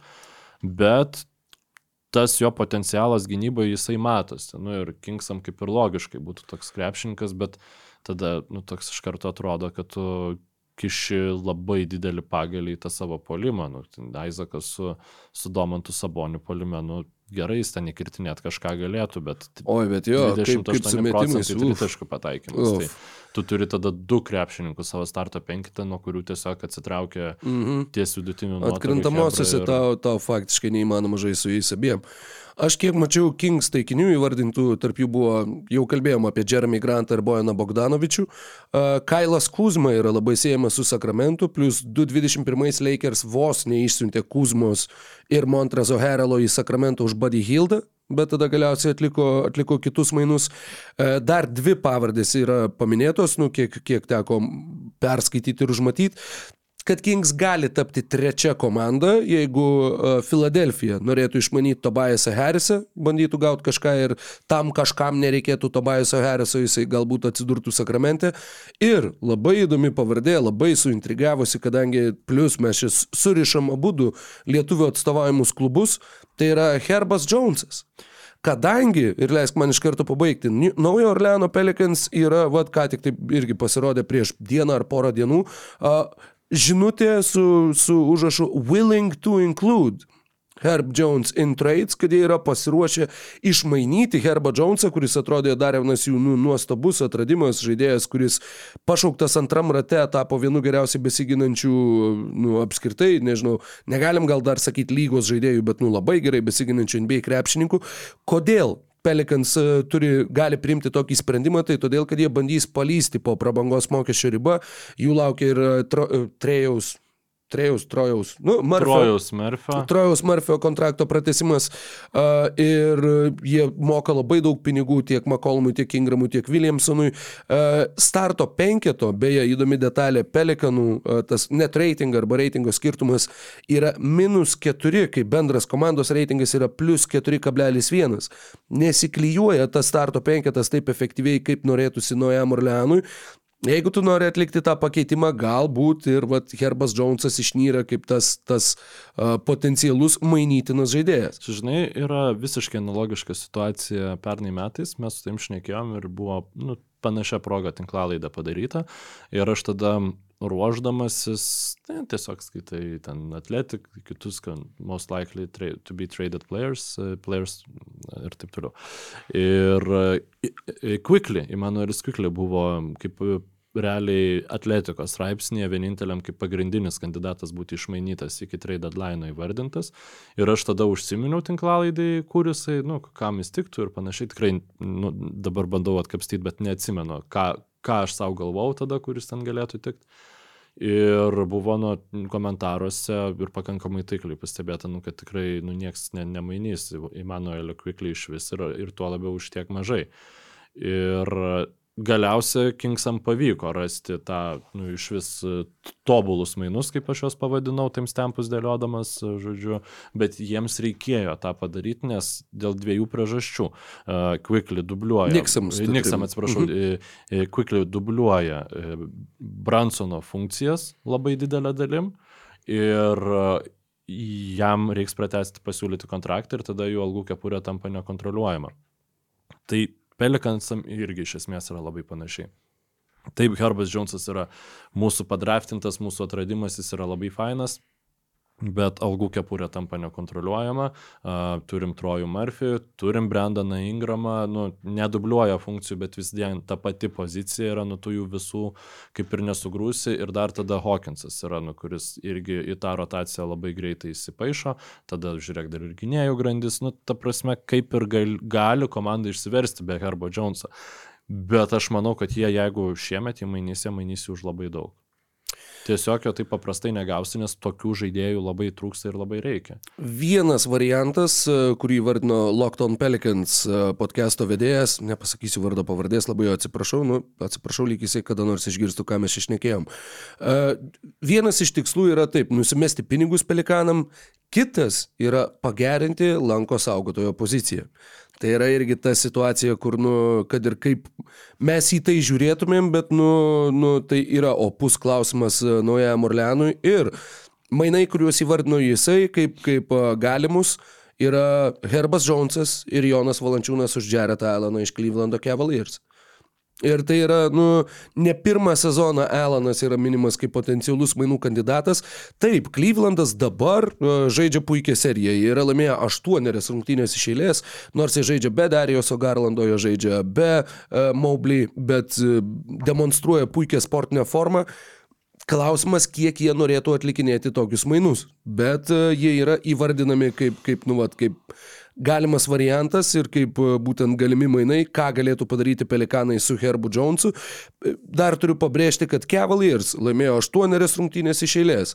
Iš tų rungtynių dviejos prieš Vašingtoną, tuomet prieš San Antonijų, prieš Brukliną, prieš Čikagą, e, visos šitos penkerios rungtynės pailiui namie. Tada laimėtos rungtynės prieš Milvokį 40 taškų, kai nežaidė Janis.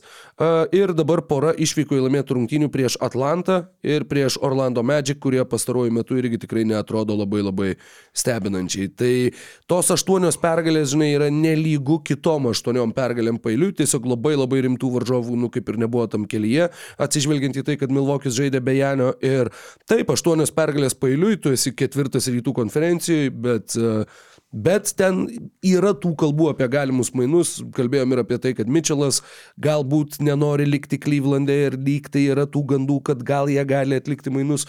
Taip kad kai vasario 8 su tavim sėdėsim ir čia tiesiogiai kalbėsimės, Klyvlandas gali atlikti kažkokį pokytį, Ir tuo pačiu pelikanams tai būtų, nu, vat, vienas, vienas iš tų šansų uh, išspręsti tą lanko saugotojo poziciją. Nu, jau saušalas mūsų kiek turėtų linksmybių ten Ilgausko ir Valančiūno visokius kurdamas, bet uh, šiaip aš labai džiaugiuosi, kad aš nesu kažkaip užklausęs šitos idėjos, mane, mane nustebino. Ir viena iš vienos pusės tai atrodo, kad, tiksliau, viena vertus, uh, tai atrodo kaip įspūd, nu, įspūdinga idėja, kuri labai adresuoja tą pagrindinę e, Cavaliers problemą, kad jie na, neturi lengvų kraštų ir Maksas Štrusas. Herba yra... Jonesas, 25 taip, metai, puikus gynyboje. Štrusas netgi yra porą metų vyresnis. Ir, kel, ir centimetrais, reikšmingais centimetrais žemesnis. Ta prasme, tai tiesiog tikrai tobulas žaidėjas. Bet ir čia, žinai, kaip yra ta analogija, kad kai gyvenimas uždaro duris, tau atidaro langą ar kažkas panašaus, tai čia yra, nu, tu turi skylę langę, žinai, ir tada pasijėmė iš durų, duris polietilenu esi uždėjęs, nes durų irgi neturi ir tada tą polietileną panaudoji langui uždengti. Nu tai gerai, o kas tada, žinai, ar, ar nebus taip, kad tu, okei, okay, tu turi Evaną Maublinų, jisai yra panašu, kad franšizės lygio talentas gynyboje, bet mes matom iš Memphis Grizzlies, kas yra, kai tu prarandi centro, kuris cementuoja tavo gynybą, kaip tada atrodo tas plevesuojantis ketvirtas numeris, kuris ten tos visus e, įspūdingus blokus atlieka ir taip toliau. Ir jeigu Pelikans gynybos netenkina, Jon, e, gynybos reikalavimų Jonas Valančiūnas netenkina, tai Cavaliers visiems, nu, kaip ir Mhm. tą valančiūną imtų, nu, su tolku kažkokiu. Kitas, aišku, dalykas, tu gali galvoti apie polimą, kiek jisai duos, galbūt jis duos daugiau naudos negu Jaretas Alenas, bet Jaretas Alenas pick and rollus šiaip žaidžia irgi labai gražiai ir sėkmingai. Nu, jo tas uh, vertikalus aikštės išplėtimas yra tikrai labai geras ir sudarius su Garlandu jie ten gerai atrodo. Tai, na, aš nežinau, ar vis dėlto rekomenduočiau tą daryti ar, tas, ar Herbas Jonesas yra tokio lygio tal, talentas nu, gynyboje, ar jisai yra tokio lygio talentas ginantis vienas prieš vieną, ar jis labiau yra toksai kaip e, komandinis, nu, nes ir Pelikans nėra ta komanda, kuri e, tu galėtum aiškiai pamatyti, e, kiek jisai yra gali gintis prieš Janius ir taip toliau, nes jie turi daug tų visų polėjų ir ten jie taip plačiai ginasi. Nu, plačiai, plačiai turiu omeny plačias taktikas naudodami, platų asortimentą jų. Tai nežinau, mane esu žiauri, žinok, susidomėjęs, aš labai norėčiau čia dar pasikvies žmonių ir kad mes tipo še, še, šešias nuomonės skirtingas išgirsti. Nes e, faktas, kad kartais, kai tu atlieki mainus, tu turi kažkur susilpnėti, kad sustiprėtum kitoj pozicijoje. Na taip atrodo logiškai gal net ir turėtų taip veikti. Mainai mes įpratę, žinai, matyti, kad komanda tiesiog atiduoda visus šaukimus ir tada pasiema, nu, sustiprėja. Cavaliers to daryti negali, nes jie tų šaukimų neturi tiesiog. Tai va, a, turbūt, kad tiek apie, apie šitą e, mini, mini galimybę. Nu, šiaip tai, žinai, dar tik tai pridėčiau, kad jeigu jau Jonas Valančiūnas atsidurtų kažkokiam kitam klube, nu, tiesiog iš to net nežinau, net nežinau, kaip tai įvardinti, bet, nu, nu, aš nenorėčiau, kad tai būtų Clevelandas.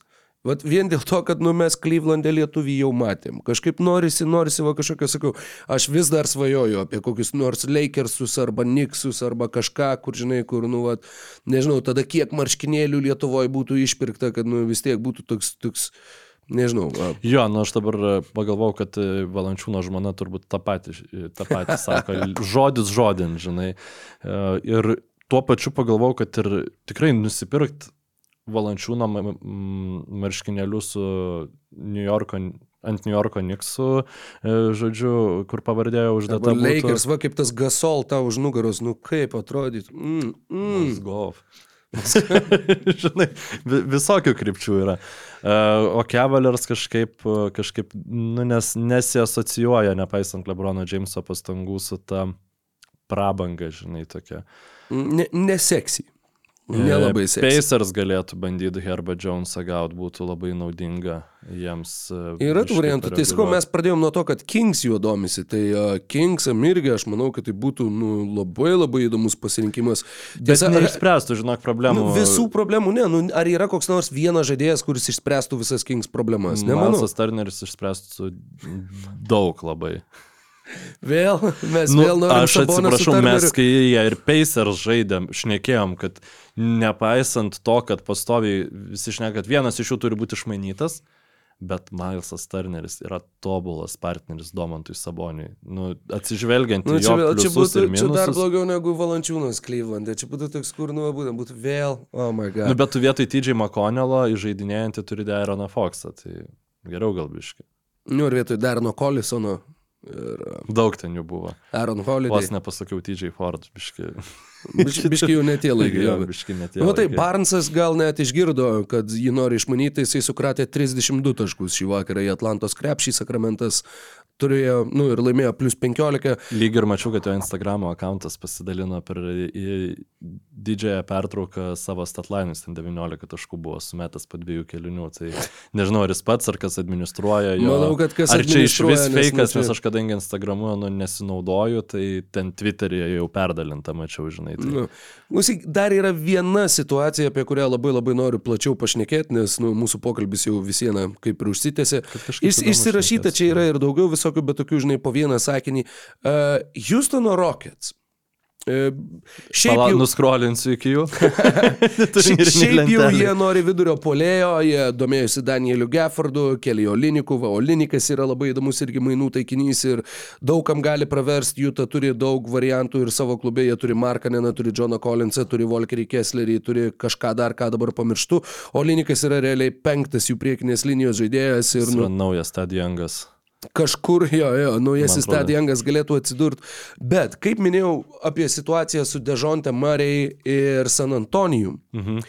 yra labai įdomi situacija su Houstono Rockets, nu, vad faktiškai identiška situacija ir Brooklyno Nets ir Makelu Bridgesu. Bruklino Nets pastaruoju metu, nu, jie, jie atrodo, kad vi, visi signalai yra, kad jie turėtų greut lauk šitą sudėtį, bet jie neturi savo šaukimų. Bruklinas šiuo metu dabar jau yra 11 vietoje rytuose, man tikrai atrodė, kad jie daug geriau atrodys šiais metais, tikrai apsigavau šituo vat, vat, um, prognoze ir spėjimu. Jie atrodo, palauk, aš tik tai noriu dar pažiūrėti, kad tiksliai pasakyčiau ir kad tau nepameluočiau, ar jie dar žaidė kažką tai šią naktį. Uh, ne, jie žaidė dar prieš Clippers. Jie yra iškovoję keturias pergalės per pastarąsias 2, 3, 5, tai bus 9, 11, 12, 13, 14, 15, 16, 17, 19.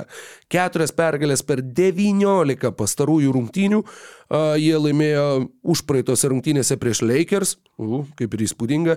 Tada dar yra laimėję sausio pradžioje prieš Oklahoma ir du kartus laimėję prieš Detroito Pistons. Čia yra visos tavo keturios pergalės per 19 rungtynių. Ir ta, ta sakykime, mintis, ta, ta idėja, kad jie turėtų viską sprogdinti, skamba vis garsiau. Michaelas Bridgesas atrodo kaip tikrai puikus, puikiai trečia, ketvirta opcija tavo komandai, kaip pirma opcija, va kaip matom, Bruklinė Nu, galbūt tai ir nėra tas krepšininkas, ar bent jau šiai dienai nėra tas krepšininkas. Houstono Rockets galėtų irgi atlikti tuos vat, panašius mainus, kaip patarėm, aptarėm apie San Antonijų, kad mes jums gražinam jūsų dalį šaukimų, kuriuos jūs atidavėt mums, jūs turit daugiau laisvės vat, rinkti pralaimėjimus, gauti aukštus šaukimus, mes už tai gaunam aukštos kokybės krepšininką, kuris padėtų mums laimėti dabar. Jūs, na, akivaizdu, kad nori laimėti dabar, jie jau pavargo su tuo pralaimėjimų rinkimu, jie nu, Van Vlyto pasirašymas tą, tą labai gerai signalizuoja. Ir čia mes vėl susidurėm su ta pačia situacija. Jeigu tu atiduodi tuos šaukimus, jeigu komanda pradeda rinkti pralaimėjimus, nu tie šaukimai bus tikrai aukšti. Jeigu tu neatlieki tų mainų, yra irgi tikimybė, nu kaip ir pusė žodžio kalbama, kad Bruklino Nets gal ir atiduotų kažkam kitam Makelą Bridgesą ir tada, žinai, nu va turėtų savo kažkokių pasirinkimų, kažkokių irgi neblogų šaukimų potencialiai, bet patys vėl būtų toj situacijai, kokioj buvo po Polo Pirso ir Kevino Garneto mainų kai jie tiesiog Bostonui atnešė ir Teitumą, atnešė ir Jaileną Brauną, padėjo ant lėkštutės. Tai Houstonas galėtų būti tas naujasis Bostonas, kuris gauna iš Bruklino labai gerus šaukimus, nors patys lieka konkurencinga komanda. Tai vad, čia irgi vat, yra ta dilema, ar tau labiau apsimoka va, pasinaudoti tuo ir gauti gerą žaidėją, ar gal netgi porą gerų žaidėjų iš dabartinio Bruklino gražinant jiem tuos šaukimus, ar visgi tau reikėtų tiesiog tuos šaukimus taupyti, galvojant, kad tie šaukimai gali tapti daug geresniais labai labai netolimoje ateityje. Labai gražiai nupiešė visą situaciją. Aš e, galiu tik tai pasakyti, kad ta argumentacija iš to, ką Rockets daro, nu, ne, nepaverčia neįmanomais šitų tikrai mainų, tikrai taip gali būti. Aš manau, kad būtų didelė klaida. E, iš, nu gerai, gal nedidelė, bet um, na, netaps stebuklingai ta komanda geresnė su Mikeliu Bridžasu tiek, kad e, tas, sakykime, potencialas, kurį tu turi su tais visais šaukimais, e, na, taptų to vertas, man tai atrodo. Um, tiesiog visiems tu turi ir tą Džabarį Smithą, ir, na, nu, aišku, ta pozicija, jinai tinkanti, bet kažkaip, nu, eiti, viena yra daryti laimėk dabar įėjimus, kai tu tiesiog pasirašai laisvuosius agentus. Kita yra jau atiduoti savo turimus e, naujokų biržos šaukimus, žinai. Tai čia klausimas, kiek mes tą Mikelą Biržesą vertinam. Faktas, kad jo vertė yra e, nu, kažkur per vidurį tarp to, ką mes apie jį galvojam prieš olimpinės žaidynės ir apie ką mes apie jį galvojame. Pasaulio dabar, čempionatą. Pasaulio čempionatą, atsiprašau, ir apie ką mes, ką mes apie jį galvojame dabar. Bet aš noriu pasiliekant prie Bridžeso sugrįžti į Sakramentą apie ką mes čia dar vieno svarbaus dalyko esam ne, nepapasakoję savo klausytojams apie šiaip Kingsų situaciją, ką jie gali pasiūlyti mainuose. Jiems e, reikia paskambinti Atlantai ir susitarti, kad jie nuima apsaugas nuo naujokų e, biržos šaukimo, kuris buvo atiduotas jiems Atlantai Kevino Herterio mainuose, nes jie dabar yra tiesiog įpainioja save į tokią situaciją, kad jie kol kas negali, nors turi visus savo šaukimus, iš esmės išskyrus vieną, jie negali išmainyti pusės jų. Dėl ko? Nes dabar yra 24 metų šaukimas apsaugotas loterijoje, jeigu jie mm, jo, sakykime, nu, kažkaip pat nepapuola į reguliarų į, į, į atkrintamasis, tada ir ga- gauna tą šaukimą savo loterijoje, tai tada jisai persikelia Atlantai į 25 metus ir tada jeigu 25 metais jis irgi yra apsaugotas nuo 1 iki 12, jeigu to negauna, tada iki dvi- į 26. Mhm. Viena vertus, atliekant tokius mainus, kai ta komanda statėsi ir buvo visiški loseriai, e, buvo labai protinga, nes jeigu tas projektas nepavyktų, kad mes už Herterį nebūtumėm atidavę top 5 šaukimo. Mhm. Nu, visiškai logiška. E, tačiau dabar tai jiems neleidžia įtraukti nei 24, nei 25, nei 26 metų šaukimo į... Mm, 24 ir negalėtų, čia mes jau ir esam dabar. Taip, tai, nu, ta 24 prasme, tai nei metais, vieno iš šitų trijų Jo, jie jo, jo. negali šaukimo, kai faktiškai jie turi atiduoti Atlantai tik vieną. Tai, e, tai jiems neleidžia įtraukti į mainus ir tuo pačiu, jeigu tu, sakykime, ignoruoji, tai tau tada lieka 27, 28, 29, 30 šaukimas, tai tu gali du tik tai atiduoti per mainus, už ką gauti aukšto kalibro krepšininką, nu tu negali. Jeigu tu paskambini Atlantai, sakai, žiūrėkit, imkite Davioną Mitchellą, jeigu norit ir nu, nuimkite apsaugą šitų metų.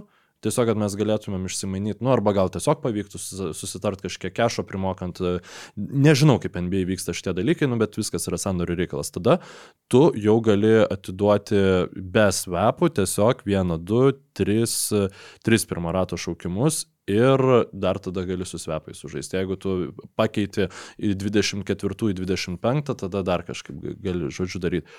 Ir vat Mikelas Bridžasas sakramente jau būtų tas žaidėjas, dėl kurio verta, U. nu, ta prasme, verta yra uh, sabotuoti savo ateitį, turint omeny, ko trūksta šitai komandai. Labai geras, labai labai geras, tikrai turėtum paskambinti Monty McNairui su šituo pasiūlymu, nes jo, jeigu jūs įėmėte ten su vat, Bogdanovičiais ir Grantais ir Jonesais ir Kuzmom, tai Makelas Bridgesas atrodo kaip, kaip geriausias variantas iš visų šitų ir ženkliai geriausias. Nu, klausimas, kiek ryškus tasai ženklumas būtų realybėj, bet, e, bet jo, sakramentų, jeigu pavyktų jį gauti.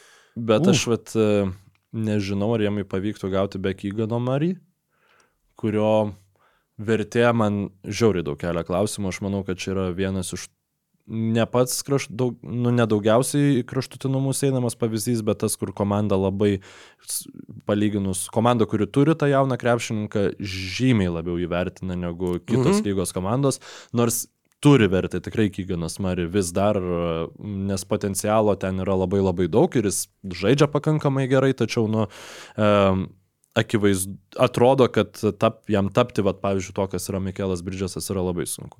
Bet reikia neapsigauti, kad čia nėra Džabari Par, e, šitas e, Džabari Parkeris, Džerianas Grantas, už kurį tu, kurį tu galėtum gauti už vieną, du pirmo rato šaukimus. Čia jau reiktų atiduoti realiai, spėju, kad e, Deviono Mitchell paketas turėtų būti kaip minimum. Kažkas, e, nu, Be jokios abejonės. ne, tai- ne, nežinau, Tas pats Mitčelas nėra, nėra tokios jau, sakykime, milžiniškos, milžiniškos vertės. Nu, bet tai yra, e, kaip čia pasakyti, kaip ir gal elitinis žai- nu, žaidėjas, kuris e, gali tapti herojumi, gal e, savaitės, gal mėnesio, gal viso sezono, žaidėjas, kuris gali ant savęs pasimti rungtynes. Bridžaso tik tai skirtumas yra, kad jis turi labai daug talento gynybai, Mičelas buvo visas įpolimas koncentruotas, bet e, niekam netoptelna jį vadinti ten top 10, žinai, žaidėjų lygiai. Mm. Bet turint omeny, kiek, kaip tu jį gali dėliot bet kur prie bet kur ir jisai tinka. Jo, Bridgesas būtent yra, nu, tu beveik nerastum komandos, kurią jisai nepraverstų. Taip, taip. Uh, ir viena iš tų komandų, vieną dar labai įdomų variantą girdėjau, buvo uh, spjauti į tai, kad tu turėsi aukštą šaukimą šiais metais. Ir tiesiog šiais metais, nu ir dar kažkokį žinomą ateities šaukimą, nežinau, ką tiksliai suklijuot, bet ar tu įsivaizduoji, jeigu va šių metų savo šaukimą plus ekstra paketą Memphis Grizzly atiduotų Brooklynui už Bridgesą ir Grizzly kitus metus pasitiktų su Džamorantu, Markusu Smartu, Desmondu Beinu, Makelu Bridgesu ir Jerenu Jacksonu jaunesniuoju. E, šiaip žiauriai geras pasiūlymas ir net iš nets pusės žiūrint, aš šitus mainus atlikčiau tokiu atveju, jeigu aš galėčiau kažkokį įrašyti sąlygą, kad Mikelas Bridžasas žais po 15 minučių, nedaugiau pas jūs. Nes jeigu jisai nuėjęs į Memphį padarys tai, ką jis padarė pernai nuėjęs į Brukliną, Aha. tai ir tada su, sugadintų, žinai, jiems viską. Ir aišku, Nu, plus Memphis šiuo metu yra 16-27. Jie yra geresni negu penkios komandos šiuo metu NBA, atsiprašau, geresni negu, uh, taip, penkios. Uh, Detroitas, Vašingtonas, Šarlotė, San Antonijus ir Portlandas. Jų rezultatas yra lygus su Torontu, vieną pergalę daugiau te turi tas pats Brooklynas, dviem pergalėm daugiau te turi Golden State'as. Tai jo, jeigu netyčia jie, nu va, kiek, viena, dviem, trim pergalėm daugiau ir tai jau nebe top 5, o potencialiai top 10 šaukimas. Na, nu, aišku, loterijos metu jisai gali ir pakilti, ypač Ir atsižvelgiant nukrist. į tai, kad pastaraisiais metais tie šaukimai ir kyla iš panašių, panašių pozicijų, iš panašių zonų. Bet jo, Memphis drąsiai gali aplenkti tiek Torontą, tiek Brooklyną, tiek Golden State Warriors, tiek Atlantą, kurie irgi turi tik dviem pergalėm daugiau. Tai čia jo, čia būtų labai rizikingas ėjimas. Tai aš geriau rinkčiausi, nu vis dėlto tą didelį šaukimų kiekį. Nors, nu, jo, nežinau, čia šiaip sudėtinga, tikrai yra nuspėti, bet Kingsam, nu, reikia kažką daryti ir reikia didelio įmo, nu, tų rolinių krepšininkų pas sakramentą yra, nu, ir tas pats Trejus Lailsas, pavyzdžiui, nu, superinis žaidėjas, tikrai, kaip už kontraktą, kaip, va čia yra, žinai, tokį Trejų Lailsą, nu, irgi labai daug komandų norėtų, žinai, tokio žaidėjo savo rotacijoje, jie tiesiog pasiemė, kai jis dar buvo, nu, e, neįvertintas pakankamai gerai. Um, reikia ir to lanko saugotojo kažkaip, žinai, surasti vietoj to, to atsarginio centro. Kur tu jį rasi, aš nežinau, nu nėra jų tiesiog va, tokių atsarginių centrų, kurie gerai saugotų lanką ir kuriuos... tu Kevalijus su galėtum- Heisu, sakė, domėjo Sakramentas.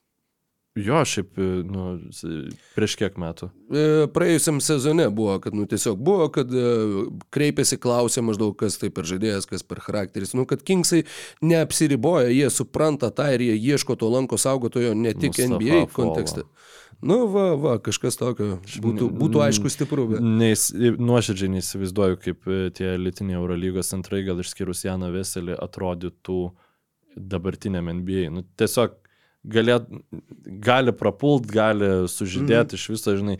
Nenustepčiau, jeigu nenustebintų manęs ne vienas scenarius, pavyzdžiui, Mustafa Folo, nei kad jisai e, gautų mažiau minučių už e, Sašą Vezenkovą, Vezenkovą, nei kad jeigu jisai kokioje vidutinėje komandoje rinktų, žinai, po 18 taškų per rungtynės tiesiog. ir Nu, būtų 18 visiškai- gal nustepčiau, bet tiesiog, kad žaistų. Nu, jeigu 25 Vizarsuose, kurie centrų neturi, Jo, žinai, jo. ten.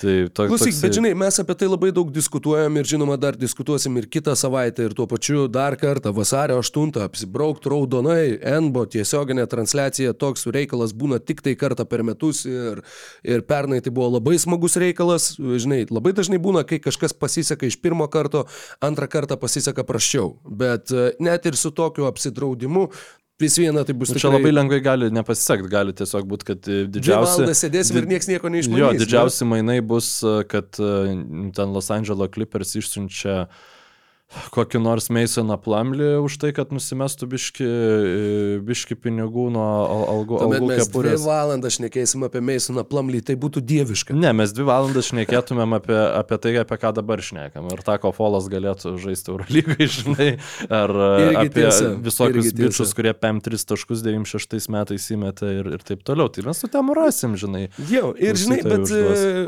užbaigiant, vatsakau, dar noriu tik tai paminėti, kad, nu, komandos, kurios atlieka mainus, e, norėdamos kovoti dėl čempionų žiedų, dažniausiai tų žiedų neiškovoja. Nuo 2000 metų tik tai keturios komandos atliko sezono metu mainus, kurių e, dėka gavo žaidėją, kuris žaidė bent jau 20 minučių atkrintamosiose varžybose vidutiniškai per rungtynes ir komanda tapo NBA čempione. Tik tai keturi tokie atvejai, matau, kad jau keli mykolai piršta į orą. Tai tu, tu žinai, kad tai yra savotiškas protmušio klausimas ir visiems tiem, kuriems patinka galvoti, aš galiu pasiūlyti užpauzinti video Pamirš, arba šiuo mano pirštą į orą šito klausimu, aš, aš kadangi ruošiausi, kon, net, nu, kaip ir kontra, ne, ne kontrargumentų iš tam teiginiui, bet kaip ir at, papildymų iš to teiginio, tai uh, aš atsakymo į klausimą neturiu. Bet, Bet žiūrėk, aš tau turiu labai gerų Taip. pagalbų. Dvi iš šitų NBA čempionų komandų yra turbūt dvi tavo mėgstamiausios NBA čempionės komandos gyvenime. Jo, tai Detroito Pistons ir Toronto Raptors. Keturios iš viso komandos. Taip, Detroito Pistons 2-4 gavo Rašydą Wallace'ą, sezono metu atliko mainus, jis žaidė bent 20 minučių, jie tapo čempionais. Toronto Raptors mainų tau irgi turbūt net nereiks sakyti. Nereikia sakyti. Jo, norėjau kažką tokio nejuokingo užmes, bet taip, ką. Nu, bet galim vis vieną pasakyti garsiai ir žiūrovą. Markas Gasolis už Joną Valančiūną. Gasolis žaidžia bent 20 minučių, Raptors tampa NBA čempionais. Atsiprašau, kad pasakiau. Kitos dvi yra sudėtingesnės, tikrai, nu kaip Nuo sudėtingesnės. kelintų metų? 2000, nuo 2000-ųjų. Tai aš galiu to pasakyti metus. 2005 Spars gavo centrą, kuris žaidė, bet nu, tai nėra pernelyg įsimintinas žaidėjas, bet NBA Live tų laikų gal ir... Ta prasme, tu tikrai žinai vardą, pavardę, bet, bet nemanau, kad verta sukti labai stipriai galvą.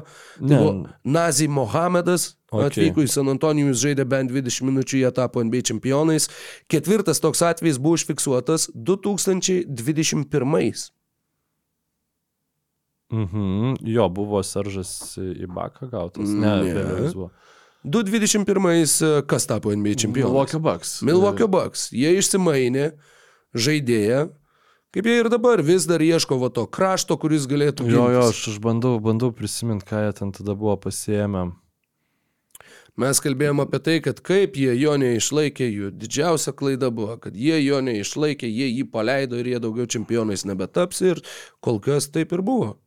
Dievai, ne, Joe Inglesas buvo vėliau. A, Paul, o Jėzus, už, užkrito PJ Tuckeris. Taip, PJ Tuckeris žaidė bent jau po 20 minučių.